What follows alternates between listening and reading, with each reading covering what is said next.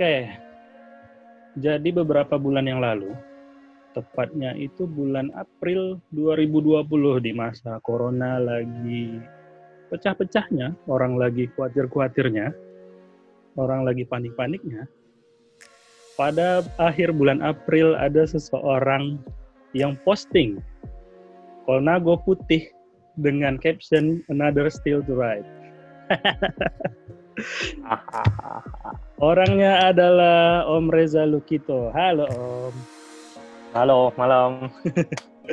Apa kabar Om? Alhamdulillah baik. Tambah maju aja punya radio fly sekarang.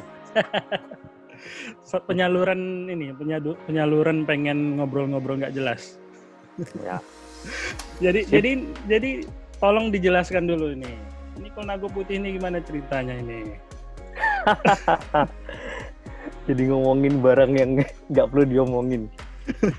Aku nggak ya tahan ya soalnya mau ngomongin si Kolnago putih sialan ini. Kok pakai sialan?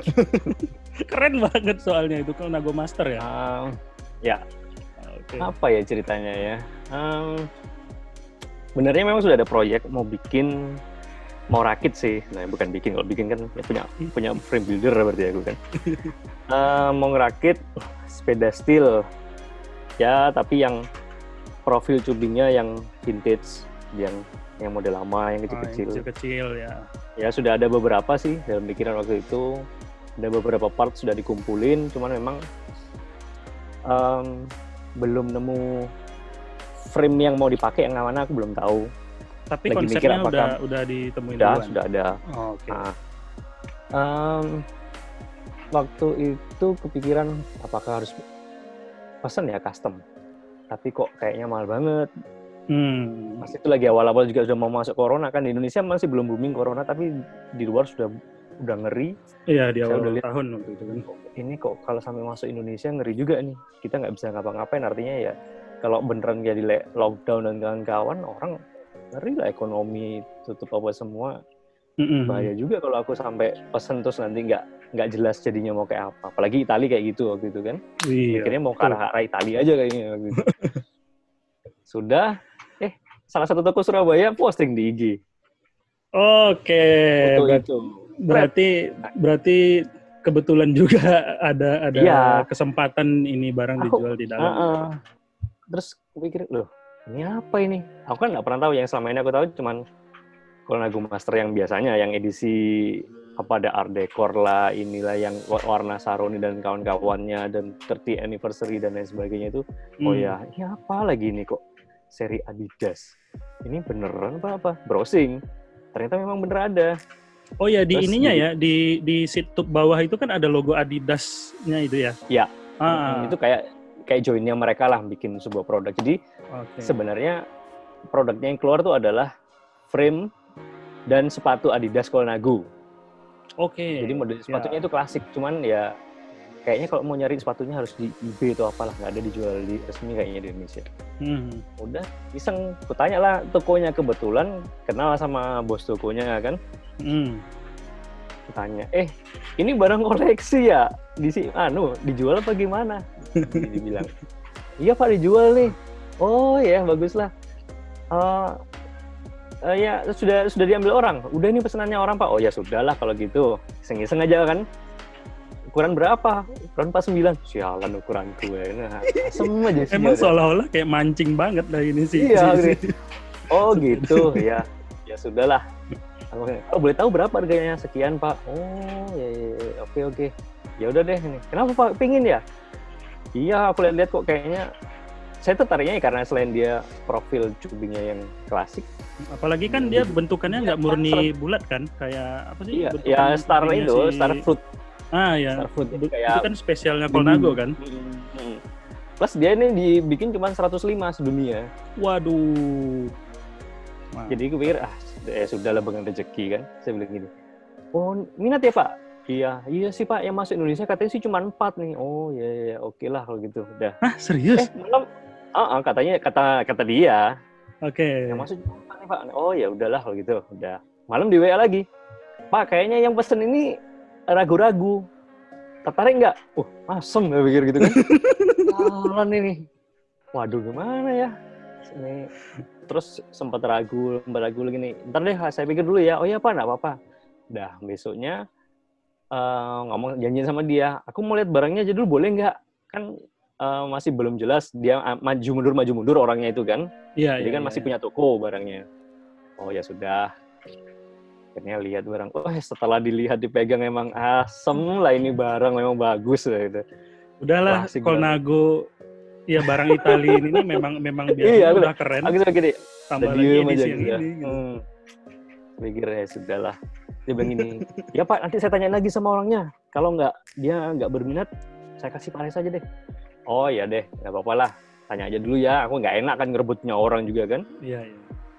Eh malam di, di WA lagi Pak, orangnya nggak jadi, gimana? Sialan. Ambil. Akhirnya, ya udah deh gini, biar mekanik langganan saya ngubungi mekanikmu, nanti cek detail. Ada yang repotin nggak? Kan kadang-kadang ngerjain apa ya sepeda-sepeda yang aneh-aneh ini kalau barangnya nyarinya susah mendingan enggak kalau saya. Oh ya benar benar benar. Itu ya benar apalagi kan kecuali kita tinggal di Eropa ya yang memang mereka notabene-nya mereka make sourcesnya apa ya dan penjual toko online-nya juga lebih lebih banyak variasinya terus setelah mekanik langganan sudah ngecek saling kontak dengan mekaniknya dia kebetulan temen juga kan mekaniknya hmm. itu dia ngomong tidak apa-apa nih oke okay. sudah oke okay kok bisa kita pakai parts-parts yang modern. Karena kalau aku suruh pakai yang klasik malas juga nyarinya gitu loh. Iya iya. Mendingan cari yang ini bisa kok ini bisa. Oh ya udah bisa. Udah setelah ini tanya jadinya berapa? Udah deh saya kasih harga yang sama kayak orang yang itu. Harga yang sama itu adalah lebih murah 10 juta dari harga resminya lah enggak waduh Asik. emang lah kalau udah setan tuh manggil-manggil susah kan ya kan? Ini sialan lah ini. Memang manggil. Ya, ya sudah lah udah, udah sini udah gue akhirnya saya saya bayar saya transfer. Kirim ke itu toko langganan saya biar dirakit di situ. Simpen. Saya ngomong sama mekanik langganan. Kebetulan mekan, uh, mekanik langganan ini di toko langganan teman-temanku teman komunitas. Area, area sering ke situ. lah gitu ya. Jadi, jadi itu seperti kayak nggak ada rahasia antara kita ingin tahu ada sepedanya siapa. Di situ datang aja situ. Ini yang ini bikin lagi baru ini bikin baru. Ya aku cuma pesen gini. Uh, tolong ya mas. Gak usah bilang ini punya saya diem aja. Kalau ada orang dia lihat ini apa bilang aja oh iya ada yang tapi gitu ya tahu aja. Ada teman datang ngeliat eh apa ini kok? Soalnya yang lain kan sepeda modern semua nih. Sepeda uh, kalau bahasanya Om Tara itu sepeda plastik gitu oh, bahasa Kang Tara mandi. Uh, sepeda karbon ya kan? Iya iya. Semua karbon karbon karbon tiba-tiba ini ada satu sepeda disembunyiin di kardus. Akhirnya setelah mulai rumor itu berkembang teman-teman pada mulai satu-satu persatu persatu datang servis sambil nyoba ngeliatin. Sambil waduh apalah ini apa aku saya tetap cuma diem aja. Nggak mengiyakan sih diem aja. Sampai uh, partsnya itu parts terakhir yang saya dapat adalah grup set. Karena grup setnya susah nyarinya oh bukan Pada hanya susah pak itu grup set super record itu kurang ajar itu dipasang di situ sebenarnya aku nggak nggak pakai yang super record karena dengan harga hampir dua dua tiga kali lipat dari chorus saya hmm. berpikir juga enggak, enggak terlalu esensial buat saya sebenarnya. Mau dipasang potensa, antena dan lain-lain itu juga juga enggak ada masalah sebenarnya. Itu udah cuman, bagus. iya, hmm. cuman saya mikir udah pingin ah pasang chorus, udah pasang chorus. Oh itu chorus. Tadinya, mm -mm, tadinya saya udah mau pasang yang 12 speed, ditawarin sama toko langganan saya itu. Hmm. 12 speed, oke okay, ada. Tapi waktu itu permintaan saya agak ganjelimet. Uh, cari itu? crank yang 165 Oh, yang lebih pendek. Uh-uh. Karena di Kampak Nulu kebetulan yang ada crank 165 itu yang seri 12 speed. Seri 11 speed nggak ada. Oke. Okay. Oh, nggak ada nih. Ada adanya yang 170 sama 172. Uh, gimana mau dipesenin nggak? Boleh deh kalau mau dipesenin. Aku juga nggak cepet-cepetan kok ininya. Ya udah project-project nyantai juga kan. Iya, eh pas mau dipesenin Itali lockdown. Ya. Dan dari Indonesia nggak bisa mastiin ke Italia ini gimana.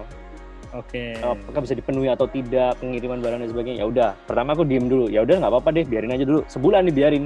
Hmm. Aku tanya lagi gimana? Wah nggak ada kabar nih gimana? Akhirnya kalau aku cari sendiri nggak apa-apa ya. Ya nggak apa-apa silakan. Nyari lah aku di BL. Hmm. Akhirnya aku kepikiran bahwa kalau situasi sulit kayak gini, kayaknya aku lebih mending ambil 11 speed deh. Artinya kalau minimal kan yang paling sering ganti itu pasti nanti rantai kan. Benar. Mau pakai rantai apa pun 11 speed itu pasti lebih gampang nyarinya. Iya. Ya udah akhirnya nemu Chorus 11 speed. Toko di Bandung. Emang ke Bandung tuh top lah udah barang-barang aneh-aneh lah iya, Bandung. Iya, ada di situ. Dapat dikirim ya memang cranknya sih nggak 165 170 ya sudah nggak apa-apa. Hmm. Itu itu kompromi.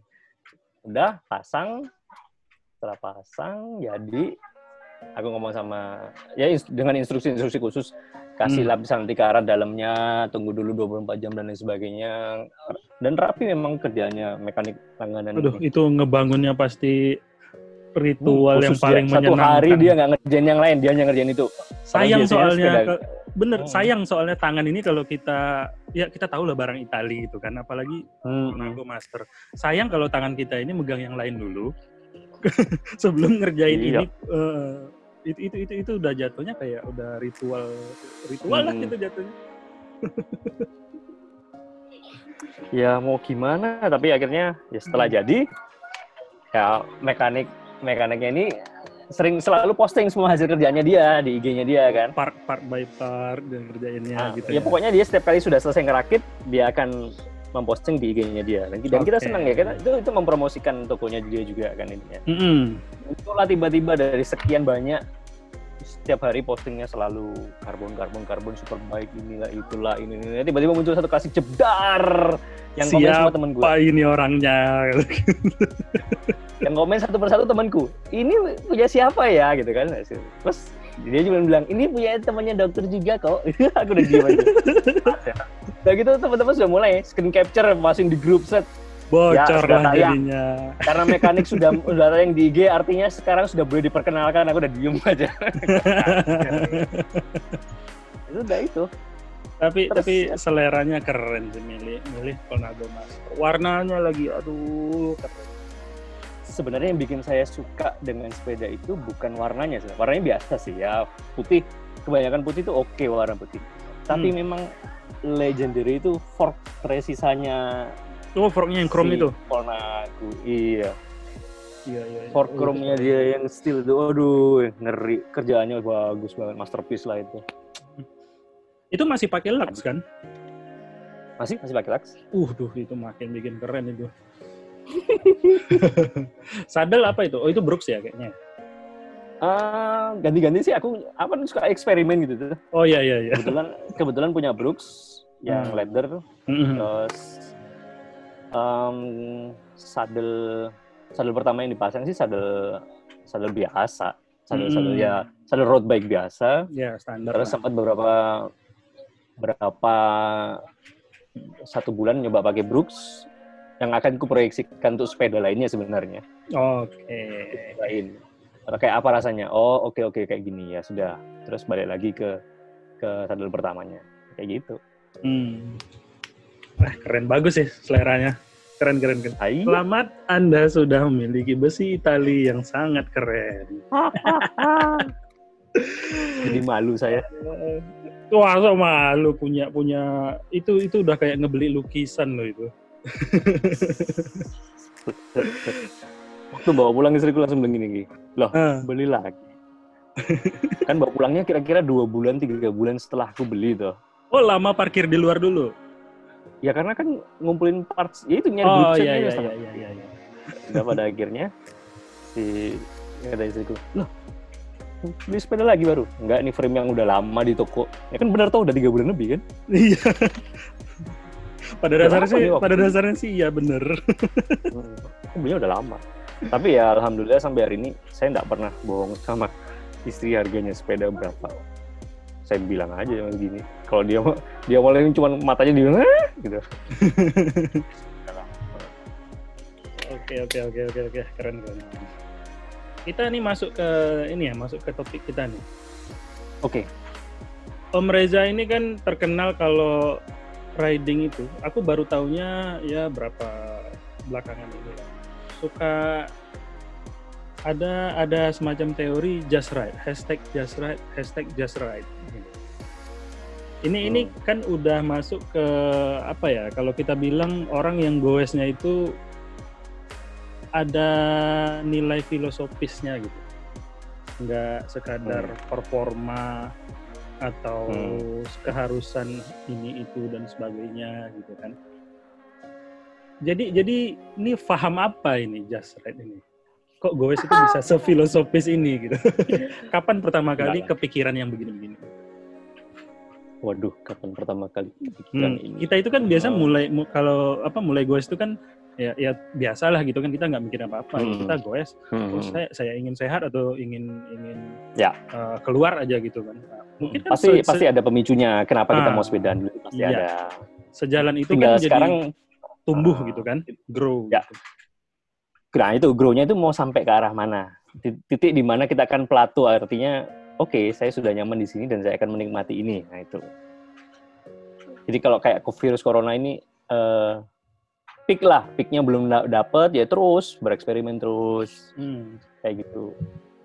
Kalau saya sih apa ya? Kapan saya mulai? Awalnya hashtag hashtag justru hashtag justru itu sebenarnya banyak banget di dunia ini. Oh iya Cuman, iya. iya. Um, itu bisa diartikan diart, bukan bukan ada satu pemahaman yang sama sebenarnya karena ya itu itu bebas digunakan oleh siapa pun. Cuman kalau buat saya pribadi Ya, perspektif um, uh, perspektif uh, Om uh, perspektif dalam, saya sendiri dalam adalah sendiri itu gimana? Um, just right is freedom kalau buat saya. Artinya kalau dalam perspektif kita bersepeda, arti selama Anda menggunakan alat yang menggunakan gear hmm. terus di di apa namanya di digunakan power manusianya jadi enggak, ya sekarang sih ada e-bike boleh lah dianggap tetap sepeda boleh uh. Uh, dan anda menikmati itu dengan tujuan apa pun tanpa ada tendensi khusus untuk merendahkan atau apa ya berusaha menyinggung orang yang tidak sepaham dengan anda itu dalam bentuk saya itu adalah just right. Oke, okay. itu gerakan gerakan moral saya sih sebenarnya. Jadi kadang ada orang yang oh saya nggak mau sepedaan sama si itu karena si itu uh, suka ngebut. Nah contohnya gitu kan. Yeah, paling yeah, sering yeah. dengar itu adalah iya nih kalau kalau sepedaan sama klub yang itu klub atau komunitas yang itu ngeri ah ditinggal terus. Nah itu ada ada Jadi stigmanya yang, gitu kan? Mm, oke. Okay. ini akan akan selalu jadi perdebatan yang tidak akan pernah berhenti karena akan selalu dua sisi Mm. Yang jadi kalau kalau buat saya pribadi komprominya adalah gini. Kalau memang anda tidak cocok dengan grup itu karena grup itu selalu ninggal anda dan tidak terlalu cepat, ya jangan masuk ke grup itu. Ya ya udah gitu kan kita kita uh -uh. Cari aja yang aja. Kalau uh -uh. anda uh -uh, kalau anda kepingin sepedaan ya sudah tinggal uh, keluarkan sepedanya ke jalan, patuhi semua aturan lalu lintas yang ada. Mm -hmm. Ya sudah, walaupun anda sendiri pun tetap anda sepedaan 2 km aja dianggap sudah sepedaan gitu. Iya. Beli nasi goreng. Nah, Bukan sesuatu yang kayak wah sepedaan itu harus kita pergi 100 kilo, nanjaknya 1500 meter elevation gain, nanti pulang gini average speed minimal 25 28 kph. Um, ya boleh sih untuk orang-orang yang memang mampu melakukannya itu adalah Oh ya, itu, itu itu itu uh, boleh banget gitu kan. Jadi oh, iya, si Just Right ini kan uh, bisa juga dikatakan kita itu sebagai seseorang tidak driven by uh, apa namanya sesuatu yang membelenggu kita ke depannya gitu kan baik itu hmm. angka atau itu si sepedanya sendiri tujuannya ya teman-temannya hmm. gitu wah ini ini ini kalau dari pengalaman saya uh, di komunitas itu jarang ada yang ibaratnya punya idealisme atau um, paham-paham seperti ini dan menerapkannya uh, supaya ini benar-benar menentukan dirinya sendiri. Kadang-kadang kan orang ngikut gitu kan, atau mungkin belum kepikiran aja. belum pertanyaan tahu tujuannya uh, dia apa ya gitu, gitu. Mungkin uh, apa proses growingnya dalam dalam uh, hobi ini atau olahraga ini belum segitunya juga. Nah ini pertanyaan jadi tumbuh pertanyaan satu. Jadi apakah hmm. dalam just right itu performa sudah tidak dipentingkan? Tergantung tujuannya just right-nya apa? Sebenarnya tadi saya bilang kalau buat saya pribadi, just right ini adalah sebuah gerakan moral uh, dengan apa yang saya cari dari sepeda. Okay. Sekarang ini saya sedang bertransformasi dari sepeda yang awalnya tadi sebuah hobi, hmm. kemudian uh, berusaha mencari performa, kemudian turun menjadi sebuah pencerahan mencari kebebasan, hmm. dan sekarang berusaha mengembalikan menjadi kodratnya. Sepeda adalah salah satu alat transportasi. Oke. Itu intinya. Roots dari si sepeda ya. itu sendiri itu tidak bisa dipungkiri. Awal tidak ada orang menciptakan sepeda awal itu mau dibikin untuk Tour de France itu tidak ada. Oh iya benar. itu sepeda hanya salah satu platform untuk di mana ini yes. bisa dimaksimalkan nah, gitu kan. Ya, itu termasuk juga gini. Kadang-kadang saya juga lucu adalah itu itu baru sadar kira-kira setahun terakhir lah. Ah. Terus lihat gini, ada orang lihat sepeda saya gitu gini. Wih, ini sepeda balapnya beli di mana ya? Terus saya mikir, sepeda saya ini bukan sepeda balap. Tapi kan ini bentuknya orang harus mengerti perbedaan ini adalah namanya road bike, yeah, mountain yeah. bike. Nah, semua genre punya sepeda balap. Mountain bike juga ada sepeda balap. Ada sepeda balapnya, BMX ah, juga ada. Track bike itu ada sepeda balapnya. Mm -hmm. Road bike ada sepeda balapnya. Nah, karena orang awam itu selalu berpikir bahwa wah oh, gila ya. Orang kalau, kalau sudah kalau handlebarnya udah udah bundar aja uh, gitu. Ini balap udah, nih. Udah gitu. ini ini sepeda balap nih. Terus kalau sampai disalip sama sepeda sayur, wah ini nggak bener nih orang ini masa sih naik sepeda balap nah itu akhirnya Jadi ada pride juga. yang harus dibela gitu kan. Nah, betul. kalau buat saya pribadi sih it's useless. Kalau ada yang bilang, "Wah, lu beli barang lu mahal-mahal ini masa lu cuma pakai gitu aja." Lah yang terserah yang beli beli dong. Kan uangnya dia. Nah, Mungkin itu itu mau, juga emang sering tumbuh di dalam grup ya. Maksudnya kayak ya. orang yang ya sebenarnya ini nggak apa-apa juga, cuma orang yang kadang jadinya karena ada pride yang harus dibela tadi, jadi ada semacam Betul.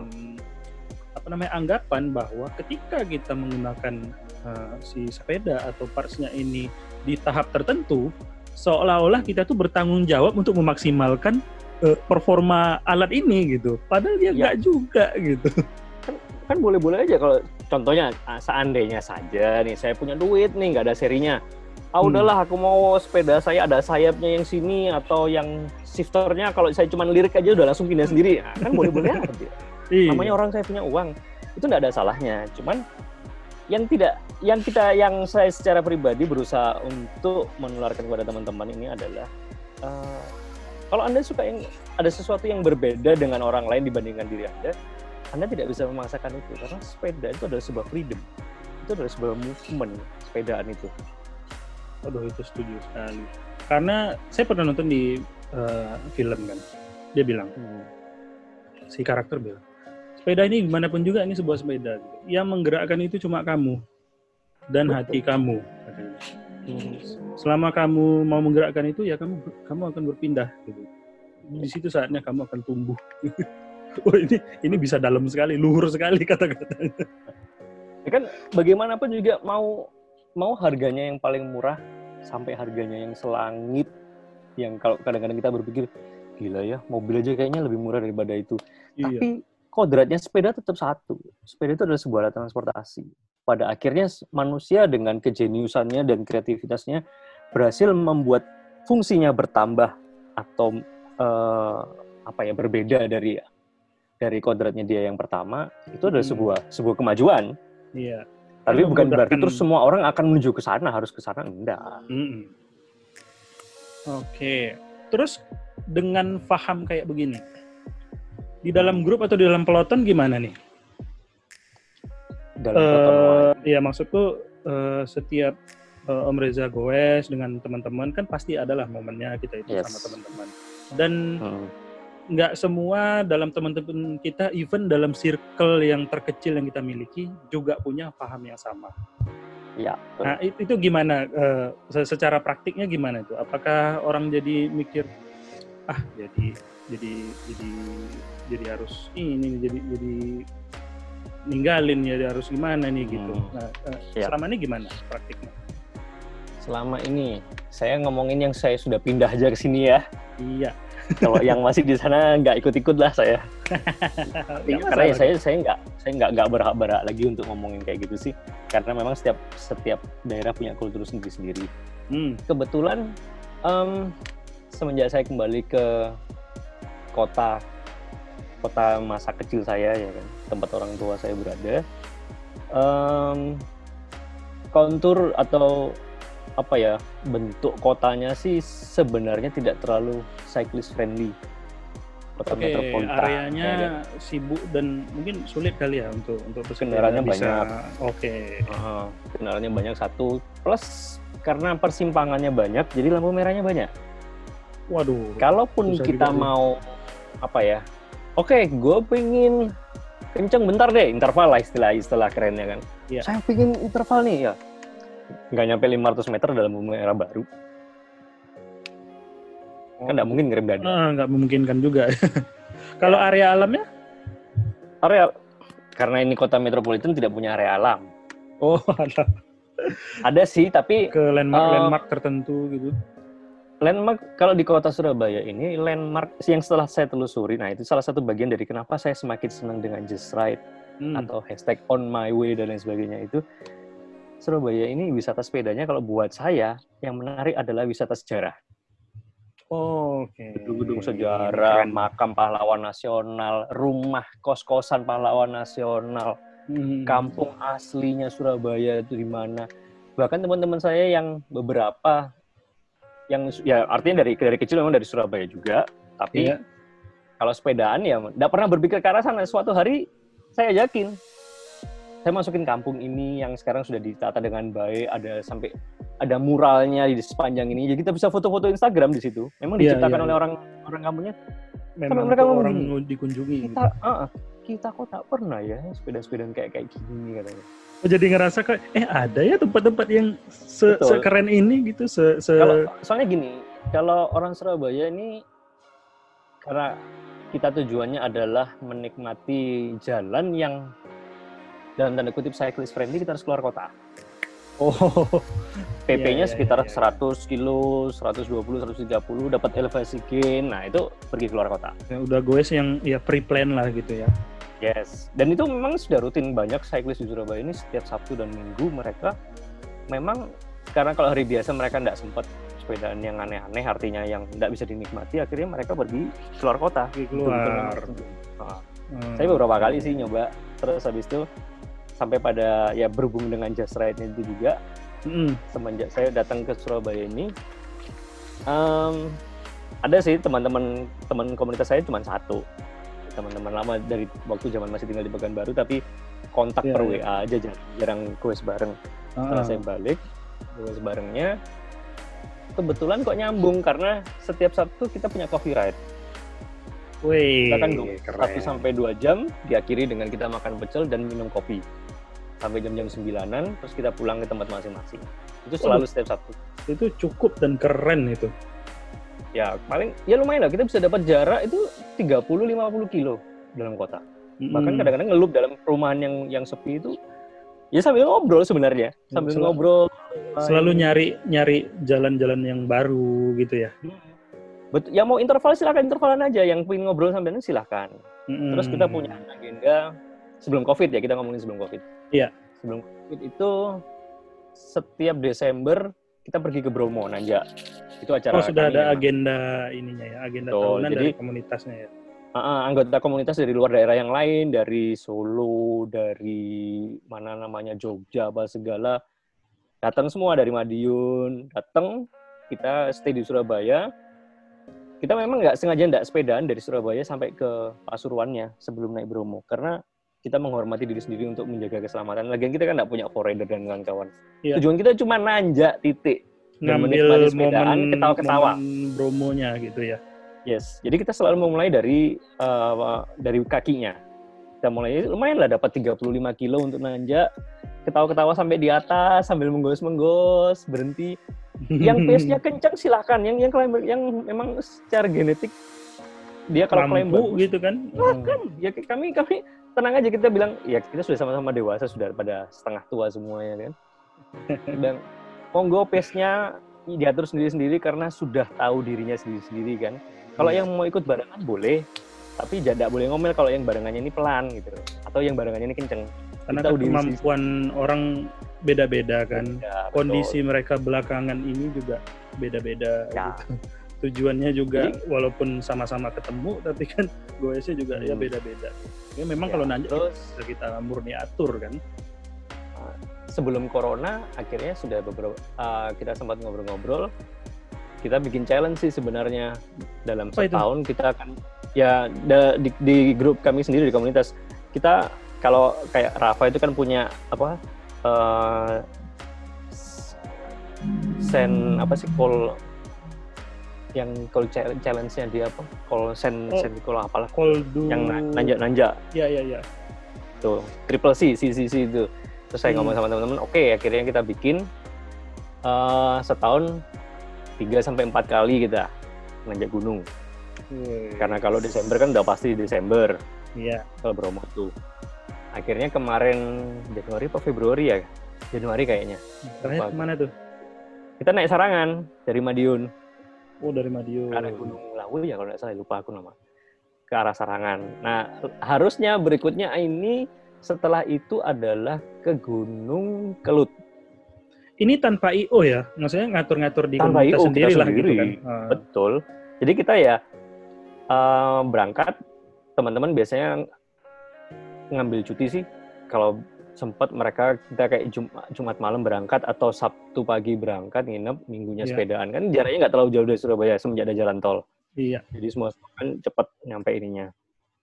Tapi ya habis itu udah corona kita belum tahu lagi sih. Sebenarnya tahun ini targetnya tuh berikutnya kapan tuh? Agustus ini harusnya sudah eh kami ada acara summit di Lombok yang tertunda dua tahun yang lalu. Dua tahun lalu Waduh. kami sudah prep sudah 98 persen di Lombok. Wah itu itu keren itu. Banyak pantai lagi kan? iya. Oh saya sempat pergi ke sana sendiri, gue sendiri, ketemu teman-teman yang di sana. Oh ngunjungi sendiri ke sana. Cuek aja week, weekend getaway lihat harga tiket. harga tiketnya. Terus harga hotelnya murah sekali.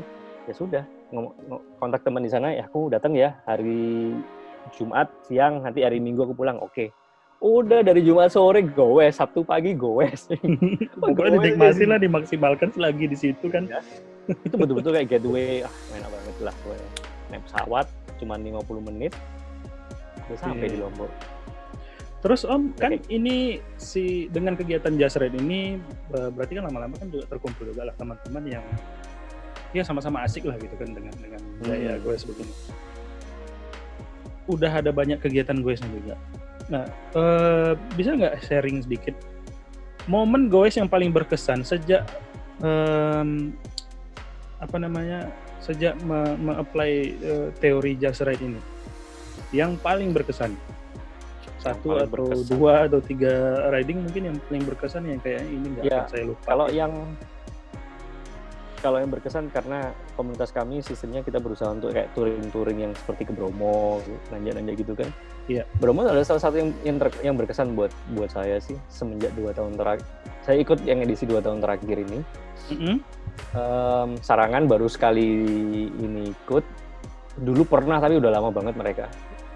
Tapi yang yang sangat-sangat berkesan adalah akhirnya teman-teman di sini pun yang di yang di dalam kota artinya yang bukan weekend warrior yang nyari mileage gila-gilaan uh, apa okay. segala. Akhirnya mereka ngikut ya itu. Mau gitu saya aja. Oke okay, hmm. kita gue lihat gedung-gedung lama Surabaya yuk lihat gang-gang lama. Akhirnya kita bisa nemu eh ternyata gedung itu di sini ya. Atau eh ada ini. Nanti saya bilang eh aku nemu tempat makan enak di sini. Oh kita harus coba berarti. Nah itu hal-hal yang menarik membuat kita itu sadar bahwa ya Surabaya sebenarnya punya potensi yang untuk cyclist tapi memang dengan cara yang berbeda Iya, iya. Karena kadang kan memang bisa, dengan dengan ketika kita mengapply suatu target tadi kan hal-hal yang kayak begitu tuh kelewatan gitu kan kecil-kecil aja gitu Tuh. suatu tempat di sini mungkin jalan kecil di mana gitu kan ya. atau tempat makan di mana tempat ngopi di mana itu jadi terlewatkan gitu kan nggak pernah kita Betul. sadarin ada gitu kebetulan um, kebanyakan member komunitas saya ini ini kan teman-teman dokter semua karena uh, ya dibilang sibuk dan beberapa orang itu sangat menggilai event-event. Iya. Akhirnya mereka berlatih dengan baik dengan struktur training. Mereka punya indoor trainer rata-rata. Oke, untuk, untuk jadi untuk mereka enggak, kita enggak gas-gasan kalau di jalan itu. Iya, iya. Kita orang-orang gas-gasannya ya di TV depannya monitor masing-masing, iya, silahkan. Uh, Karena kan udah Jadi ada platform ada latihan online ini kan juga selain itu terstruktur uh, ada ada apa ya ada, ada tempat untuk menyalurkan si performa ya. tadi kan sehingga kita pada Betul. saat turun ke jalan juga ibaratnya itu nggak nggak rugi nggak rugi di fisik lah gitu kan Betul. memang kita, waktunya kita untuk happy happy nah, kita jadi menikmati sepedanya yang dibilang katanya ini sepedanya enak nih bisa gini bisa gini nah itu yeah. tapi kalau kita ngejarnya adalah dari performance terus yang ada adalah capek tidak menikmati iya bener saya setuju dan mengalami. Ada, ada sih yang lucu ada ada beberapa kenalan di sini bukan bukan anggota komunitas ya kebetulan yeah. kenal aja di salah satu toko ketemunya di toko sepeda sih ngobrol-ngobrol lagi servis gitu kan. Okay. Lucu aja dia dia punya sepeda merek ini oke okay. terus suatu saat nggak sampai dua bulan ganti dijual dia ganti merek ini. sampai kan mekaniknya kan saya tanyain oh, kok dijual lagi kenapa nggak tahu Allah tapi memang gitu kok sering kok. Biasanya dua bulan tiga bulan dia sudah ini oh ganti ya udah. Waktu itu dia dia ganti menurut saya sepeda itu bagus banget. Salah satu merek terkenal yang paling yang kalau dalam pro plotter yang paling sering juara juga salah satunya. Oke mencari Terus, maksudnya mencari performa dari parts nah, yang terbaik gitu ya? kan? Nah. Oke. Kemudian ketemu lagi sama dia nih. Ketemu lagi eh ganti lagi sepedanya. Ya. sepeda itu jual diganti merek lagi yang lain. Oh oke. okay akhirnya karena sudah agak-agak lumayan kenal saya berani nanya kenapa kok dijual? Ya kan kan heran juga toh. Mm -hmm. ini orang kenapa ganti-ganti? Padahal kayaknya nggak ada yang oh, salah kan? Iya. Eh, jawabannya sih saya kaget juga sih tapi ya mau ketawa bingung ya kan ini. Iya iya. Iya nih kemarin saya ikut ini ikut rombongan ada kayak komunitas baru gitu. Waduh ditinggal saya pakai sepeda ini di flat nggak bisa nih ngejar yang saya bingung. Oh berarti si orang ini uh, maksud itu tipe tipikalnya pada saat itu yang percaya pada uh, performa alat itu semata berarti. Nah itu saya juga nggak tahu. saya saya diem aja saya pikir gini, oh oke okay, oke. Okay. Dan yang sepeda yang dia beli itu enggak bukan barang murah lah hitungannya ya. Barang murah itu ya susah kita, kita ngasih harga itu susah sebenarnya. Karena ya, kalau saya pribadi saya melihat barang itu dari value-nya bukan dari nilai rupiahnya atau nilai dolarnya enggak. Hmm. kita bisa beli sepeda harga ratusan juta tapi kalau value-nya enggak ada buat kita maka enggak ada harganya sebenarnya sepeda. Itu atau kita bisa beli sepeda yang harganya 2 juta 3 juta tapi dia sangat berharga karena mengantarkan kita ke mana-mana membuat kita bisa naik ke puncak gunung lah inilah itulah kenalan banyak orang maka value-nya tinggi. Itu jauh lebih berharga. Oke setuju Nah, jadi uh, si si Om tadi ini jadinya gimana setelah ganti-ganti parts? Udah nggak ketemu lagi, kena habis itu kena ini kan corona nggak ada orang yang hmm. nongkrong, tapi nggak tahu apakah tapi mungkin sih kemungkinan masih masih sepedaan sih beliaunya, tapi nggak tahu apakah sama komunitasnya yang itu yang hobi hobi hobi geber-geberan di flat. Banyak loh yang yang uh, kalau kayak di Pekanbaru kan gawe subuh ya. Betul di sini juga ada kok yang kayak gitu. Jadi udah mulai masih gelap gitu mumpung jalannya masih kosong kan lebar jalannya di iya, Surabaya ini. kesempatan untuk menyalurkan performa kan? Oh, oh. saya kalau datang lewat situ sekitar jam-jam 6 kurang gitu kan itu sudah agak terang gitu udah uh mereka udah lewat. Waduh peletonnya ngeri tari-tariannya itu ada lah itu main 40 sampai 50 kafe wah. Ini sadis orang-orang ini. Tapi ya karena sadis ya. kesempatan juga kan nggak ada halangan ya. di di jalan Bisa, juga saya pikir gini oh ya mungkin karena setiap orang beda ya yang sebenarnya nggak nggak masalah juga gitu kan uh, pada saat itu mereka mungkin um, yang mereka uh, perjuangkan adalah memang keasikan dari dari menyalurkan performa tadi Iya. Tidak ada salahnya, cuman ya kembali ke diri masing-masing. Iya. Mau nyari Selama apa? kita tidak apa ya namanya tidak di, te, uh, tidak dilimit oleh um, grup atau uh, dorongan-dorongan tadi itu sih seharusnya tidak ada masalah gitu kan.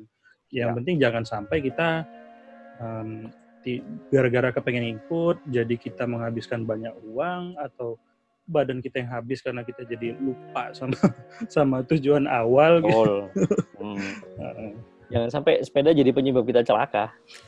Iya benar setuju. Niatnya mau ya itu tadi mau freedom, mau berkreasi dengan apa ya menggunakan sebagai alat transportasi tapi karena kita sembrono kita semaunya sendiri akhirnya kita bikin celaka diri sendiri dan orang lain.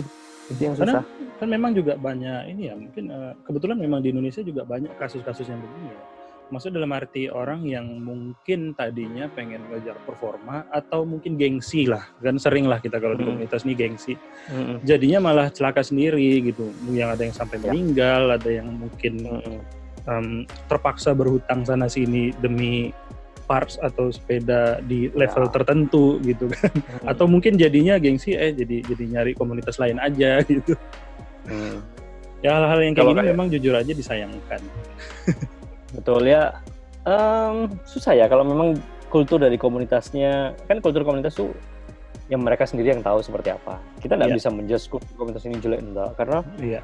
semua itu kembali lagi bahwa kultur komunitas itu ya seperti itu, mm -mm. bukan sesuatu yang bisa kita rubah. Kalau anda nggak cocok dengan komunitasnya itu, berarti anda memang jangan masuk ke situ. Karena kalau anda masuk, anda akan merusak. Iya benar. Anda akan karena merusak dan anda akan menjadi orang yang dianggap uh, apa ya bawel dan brengsek lah istilahnya ya. Ya ibaratnya kan oh. kan kita balik-balik nanya lagi ya Anda ngapain ada di sini kalau ya kalau Anda tidak suka dengan gaya kayak gini ya itu itu memang sudah bawaannya sendiri-sendiri. Ya. Cuman general rule-nya tetap harus dimainin. Benar. Ada di jalan raya milik bersama ya hormati sama lah. Ketika kita sibuk menyuarakan atau posting share the road share the road ya makna kita dari share the road-nya kita harus benar-benar praktikkan juga. Kadang kan ini memang ya. mungkin ya mohon maaf orang suka lupa ya. Mungkin saya bilang orang suka lupa aja gitu. Share the road, share the road tapi kita sendiri yang pakai sepeda kadang di di perempatan atau di di lampu merah ya nyelonong aja gitu kan. Ya, di tempat yang sampai sekarang tuh. Di tempat yang tidak boleh U-turn gas aja mentang-mentang ini manpower bukan bukan by mesin gitu kan. Kadang-kadang hmm. ini ya mungkin kita bilang nih ini menyedihkan sih ya jadinya kan ada ada tendensi orang tuduh-tuduhan atau berantem-beranteman gara-gara yang perilaku di jalan yang kayak begini. Mudah-mudahan aja orang bisa lebih mengerti lagi. Soalnya kan belakangan waktu ya di zaman corona inilah gitu kan orang mulai sadar untuk berolahraga. Ada rame beli ya. sepeda gitu. Mudah-mudahan ya. jadi belajar ada ada teredukasi tentang gimana di jalan gitu kan. Ada perspektif hmm. baru sebenarnya kalau dilihat tren sepeda di corona ini mungkin dibilang murni olahraga enggak ya? Karena lebih banyak akhirnya fungsi transportasinya yang jalan. Mm, iya. Iya kan? Eh, tadinya kan orang ya mungkin biasanya naik kendaraan umum gitu kan. Ya. Yang pergi nongkrongnya rame-rame naik gitu. motor naik mobil ya oh, sekarang naik sepeda orang-orang. Tadinya sepedaan aja lah gitu. Ya. setidaknya di satu sisi ngebantu lah gitu kan. Betul. Mengurangi keramaian juga dari sisi badan mereka juga melakukan suatu olahraga. Gitu. Ya mudah-mudahan aja lah lebih sadar lagi nanti biar tidak ada eksiden-eksiden atau kejadian-kejadian yang tidak diinginkan. Oke, okay, Om. Dengan hmm. paham just right ini, ya filosofi ini, sampai kapan nih mau goes dengan dengan uh, just right ini? Atau uh, berikutnya jika grow lagi berubah lagi atau memang seterusnya akan begini? Ya pahamnya sih pasti akan dipakai terus mau genre apa pun ya. Hmm. karena intinya adalah nggak usah mikir aneh-aneh udah pancal aja sepedanya gitulah istilahnya. aja lah gitu. nah, lu nggak usah mikir kayak waduh kok anu ya uh, saya nggak matching ininya baju sama ini atau waduh. Waduh. Eh, tapi ada aja yang gitu ya memang. Oh ada ada pasti kayak gitu ada. Atau ini sepedanya nggak asik nih kalau dilihat dari sisi sebelah kanan ada yang mentol apa yang uh, oke okay, it's just a bike gitu loh. Iya iya intinya cuman ya mau mau sebagus apa pun atau sejelek apa pun semahal apa pun semurah apa pun ya kodratnya sepeda adalah sebuah alat transportasi yang membantu kita gunakan okay. sebaik-baik gitu. Menurut Om jadinya apakah orang pada akhirnya akan uh, mengadopsi pemikiran seperti ini atau gimana? Sebenarnya semua orang yang berani sepedaan harusnya sih secara otomatis dia akan mengadopsi pemikiran just right. Cuman mungkin belum sadar aja ininya. Oke. Mungkin uh, karena mungkin lagi lagi fokus di di pemikiran yang lain mungkin atau memang ya ya belum grow. Ya kita nggak bilang orang nggak grow lah ya kalau nggak mikirin Hmm. Mungkin belum di tahap uh, demikian. Belum lah. mencapai intinya. Iya, iya. Harus sampai di ini apa perintilan-perintilannya lah masih di apa istilahnya? masih di perifer jadi hal-hal yang lebih mengkilap lebih silau mata itu yang lebih dipentingkan yeah, yeah, yeah. sehingga uh, inti dari sepedaan sendiri itu sebenarnya apa itu masih belum jadi malah belum terlihat gitu. itu sesuatu yang dia punya duluan malah ah, dibandingkan uh, sepeda itu justru itu adalah sesuatu yang dia punya duluan itu itu gratis ada di yeah. dalam diri kita sendiri yang tadinya itu sebenarnya ada mungkin jadinya karena um, dengan perintilan brand atau fashion yes. ini tadi jadi jadi ketutupan gitu ya. Betul. Oke. Okay. Terus terakhir nih. Hmm. Target lokasi goes impian ke mana?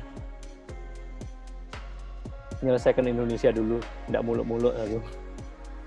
Oke, okay, top Banyak of the list-nya itu mengunjungi tempat-tempat di Indonesia. Ya, yang pasti sudah kesampaian sih sudah Lombok pasti satu. Okay. Dan saya selalu ingin kembali lagi ke sana. Kalau perlu setahun dua tiga kali lah. Diagendakan. ya itu karena oh, malah justru menurut saya tidak perlu diagendakan karena Lombok is fun to ride every year. Okay. Apa pun pun apa pun musimnya it's fun gitu loh. Betul-betul jalan mulus uh, daerah pegunungan, ada laut, ah enak lah pokoknya yang bikin hmm. kita was-was ya cuman gempa aja sih yang makin kadang-kadang masih apa itu. Apalagi tempat-tempat gitu. seperti Lombok kan angin, bau-bau udaranya itu oh, aduh, itu itu yang saya belum kesampaian tuh ada salah satu kafe di Lombok yang saya kemarin nggak sempet ke sana. Hmm. Pak, itu asik banget kafenya di salah satu hotel dekat laut situ sih. Saya lupa nggak mampir situ. Selain Lombok, yang sudah di, dijadiin target wah kayaknya saya satu hari harus sampai yang, ke sini selain oh, di Lombok lah gitu mungkin ada di Kalimantan atau di Pulau Jawa area lainnya gitu atau area Papua Kalimantan pingin sih suatu saat saya pingin nyoba sepedaan yang model-model trans sih kalau ya. Jadi kayak dari Pontianak contohnya Pontianak ke Singkawang. Oke, perjalanan oh, panjang ya kayak gitu gitu. Ya. Jadi hmm. jadi pingin tahu di Singkawang sendiri kayak apa, bukan yang kayak sepedaan oke okay, sampai sana kita loading balik lagi Pontianak. Enggak jadi memang kita mau touring. Jadi betul-betul sudah ya bawa sendiri baju dan lain sebagainya. Udah udah kayak transkontinental ya. Yes sudah kayak gitu. Kalau yang apa yang pakai supported dan lain sebagainya sih banyak sebenarnya hmm. yang masuk bucket list terus untuk yang betul-betul sekedar having fun ketemu banyak teman-teman salah satunya adalah di Bandung banyak sekali teman kepingin temu teman-teman cyclist Bandung Jogja. Iya. area Bandung asik-asik. Asik tuh mereka tuh. Area Jogja juga uh, apalagi area alamnya banyak yang yang bisa hmm. dikunjungi. Hmm. Ya. Terus banyak sih sebenarnya, cuman ya itu tadi belum belum di Jawa Timur sendiri banyak daerah-daerah kota-kota yang punya jalan yang bisa kita telusuri. Ada semi gravelnya, terus waduh seru Jalan desa-desa yang bagus, terus pokoknya begitu jalan keluar nemunya sawah. Aduh udahlah wah. Banyuwangi termasuk itu bucket list. Apalagi ya? Bali sih pingin cuman ya mungkin kalau event aja kali ya. Artinya hmm. event tuh bukan harus yang event yang rame-rame enggak artinya yeah, memang yeah. pergi kayak kita mau bikin acara summit atau apa satu komunitas berangkat semua nah itu kalau suruh sendirian berangkat ke situ takut kayaknya aku dikejar anjing tuh Sumbar aku pingin ngulangi lagi. Asik Mar, ya area pegunungan lembahnya oh, ya asik dingin. ya. Terus pakan baru sih ketemu teman-teman. Mau nggak mau komunitas ya. kan baru itu ya ngangenin juga. Walaupun teman -teman. literally nggak ada yang bisa dilihat di sini um, intinya sebenarnya bukan apa yang bisa dilihat tapi siapa teman sepedaan waduh kalau Anda sendirian sepedaan, tapi Anda berdamai dengan diri Anda sendiri, maka Anda akan mendapatkan sebuah kualitas ride yang luar biasa. Aduh. Itu salah satu filosofi Just Ride. Ya, mantap, setuju. Setuju, setuju. Target lokasi impian ya. Wah, semoga bisa segera tercapai lah. Ya, amin. Oh, jadi jadi keluar satu pertanyaan lagi nih. Apa? Colnago Masternya udah tegak. Mm -mm. Gak mungkin nggak ada satu, setidaknya satu, si hmm. sepeda impian yang kepengen di, di, dimilikin. Hmm. Ayo, apa itu? Kepingin punya sepeda yang custom kah atau apa? Oh, kalau custom mungkin sudah nggak ngejar lagi kayaknya. Tapi kepingin punya sepeda yang dalam tanda kutip tahan banting. Diajak gravel bisa, diajak touring bisa. Sebenarnya sepeda sepeda titanium saya yang ini walaupun dia uh, ndak murni gravel tapi masih bisa sih karena masih clearance-nya bisa sampai 32 C. Oh, maksudku bisa. yang belum didapat gitu, ada nggak yang, oh. kira-kira suatu hari saya pengen banget punya ini? Gitu? Uh, sepeda apa? yang ada keranjangnya supaya saya bisa sepedaan sama anakku, ku gonceng. Komuter multifungsi. Ya soalnya anakku yang perempuan ini nggak mau dia diajakin sepeda nggak mau dia capek ya ah, capek nggak enak, enak tapi kalau digonceng mau kalau anakku yang laki sih dia oh dia senang sekali dia sepeda Oke, mungkin mungkin karena si si cewek tadi mungkin belum nyoba aja atau dia punya iya. interest ya. yang lain. ya, interestnya bukan di situ. Dia melihat kok kayaknya ngayuh ini bikin capek ya katanya. Capek gitu ya. Terus kena panas kan biasa, aduh panas nggak enak nih. Tapi kalau digonceng, Terus kalau digonceng kan lebih kenceng dia, nggak perlu kerja tapi kenceng. Wah, dia, dia seneng dia. Iya, bisa sambil nikmatin gitu kan. Hmm. Akan selalu ada proyek impian-proyek impian yang kadang-kadang nggak muncul sekarang sih. Kayak Contohnya ya kayak si Kolnago tadi. Kolnago itu nggak kepikiran. Memang kepikirannya adalah kepingin ngerakit sepeda besi, tapi belum tahu apa. Kebetulan yeah. sudah ada beberapa parts yang punya, oke. Okay. Sudah ada bayangan, oke. Okay. Hmm ya sama kayak dulu beli Enigma itu juga ini itu tiba-tiba aja oke okay, jual karbon proyek dirikan proyek sepeda Titan tapi udah. memang memuaskan ya punya punya sepeda yang kayak begini ya kita kita maksudnya kita juga nggak ngelihat dia dari sisi harga juga dari si sepeda ini uh, nilainya sebagai seni nilainya sebagai sepeda hmm. yang penting hmm. untuk kita juga gitu kan ya Wah, menarik. Ini sepeda saya kalau boleh boleh saya share sih sebenarnya. Bahkan kalau Nago Master saya ini kalau total habisnya full bike-nya itu hmm. tetap lebih murah dibandingkan sebuah frame set sepeda karbon terkenal merek terkenal. Hah? Masa? Serius? Iya. Ini kan sepeda limited. Iya, ndak akan ngira kan. Orang-orang yang tahu harganya bisa begini, ha serius dapat segitu? Iya. Buset. Ya. Termasuk saya waktu bikin titanium tuh orang juga kaget. Ini jadinya nyebelin. oh nyebelin banget. Kalau ada orang yang sampai, ah tahu gitu kan gue ambil. Ini nyebelin saya, jadinya nih. itu bukan masalah tahu gitu, itu masalah sekarang Anda mau apa tidak itu aja. iya, iya, iya. Apa aja sih? Ya itu takdir lah itu berarti itu. Dapat di harga yang bagus juga barangnya juga bagus. Waduh. Ya, semoga samawa kadang-kadang kalau lagi udah nggak samawa itu berat. Ada aja yang habis itu nawar-nawar ya. itu pastilah. Punya orang emang lebih keren emang bahaya itu tutup mata Oke Om Reza, thank you okay. Ada seru, ya. seru, seru, seru, seru.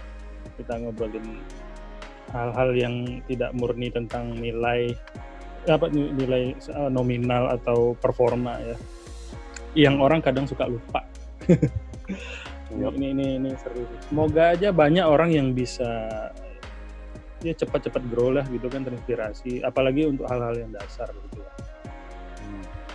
Oke, okay, thank you Om Reza. Okay. Yuk, sama-sama. Ya, sampai ketemu lagi. Saya Dede Logi. Sampai jumpa di podcast yang berikutnya.